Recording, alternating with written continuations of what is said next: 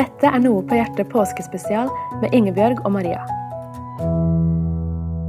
Disse fire dagene har vi lyst til å stoppe opp for å tenke over hva vi feirer i verdens viktigste høytid. Vi leser en kort tekst fra Matteusevangeliet hver dag disse påskedagene. Les gjerne hele teksten om påska i Matteus kapittel 26-28 eller i et av de andre evangeliene.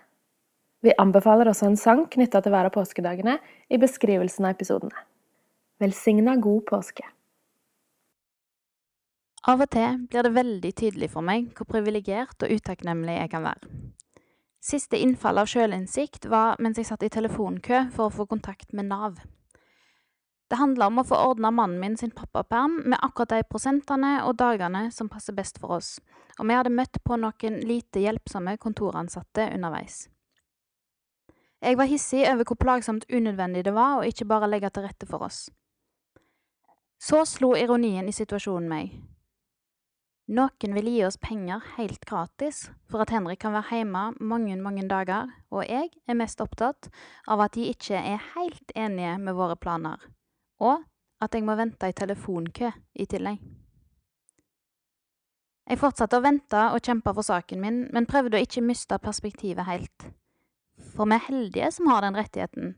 Det er en gave, og uperfekte omstendigheter må ikke få oss til å gå glipp av gaven. I Johannes 13 forteller Johannes om at Jesus bøyde seg ned og vaska føttene til disiplene sine. Det var torsdag i påskeveka, rett før han skulle dele nattverd med vennene sine, og så bli forrådt, svette blod og be i hagen, og etter hvert dø på et kors. Etter at han var ferdig med vaskinga, satte Jesus seg ned, så på disiplene og sa, Skjønner dere hva jeg har gjort for dere? Det er et spørsmål, og det er en avsløring. For han vet jo svaret. De har ikke forstått det. Altså, de har forstått litt. De har forstått at Jesus bøyde seg ned og vaska føttene deres. Men den store betydningen hadde de ikke forstått.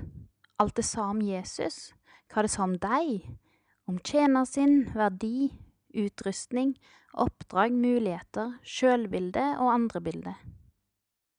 De hadde ikke skjønt hva det sa om livet videre. Og de hadde ikke skjønt hvorfor det var så viktig for Jesus å gjøre akkurat dette før han skulle spise, ha nattverd, bli forrådt, be i hagen, og etter hvert bli fengsla, drept og stå opp igjen fra grava. I dag, når påsken starter for fullt, ser Jesus på oss òg og spør, Skjønner dere hva jeg har gjort for dere? Vi har kanskje forstått fortellingen, vi vet kanskje hvor ting skjedde, i hvilken rekkefølge, kanskje vi har vært der, vi vet kanskje noe om hva det betyr for oss. Men skjønner vi det, hvor livsforvandlende påske er? Eller forsvinner det i egg, sjokolade, trange hytter og tanker om at Gud ikke føles som han er den han burde vært? For det er jo litt som unge foreldre i møte med Nav. Det er så lett at vi går glipp av gaven bare fordi vi ser det som er galt. Vi ser at vi er skuffa over at ting ikke er som vi skulle ønske. Vi ser ubesvarte bønner, spørsmål som vi ikke finner løsninger på, ting i Bibelen og livet som vi ikke får til å henge sammen. Vi ser hverdager fylt av uperfekte omstendigheter, tru og oss sjøl fylt av uperfekte omstendigheter. Så overser vi den store gaven, så skjønner vi ikke hva det betyr. Når jeg våkner til en ny dag, skjønner jeg hva Jesus har gjort for meg.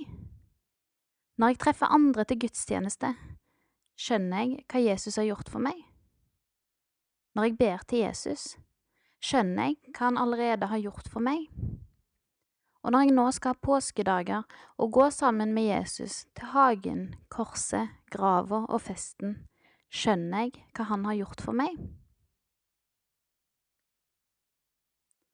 Matteus kapittel 26, vers 17-19 og 26-29.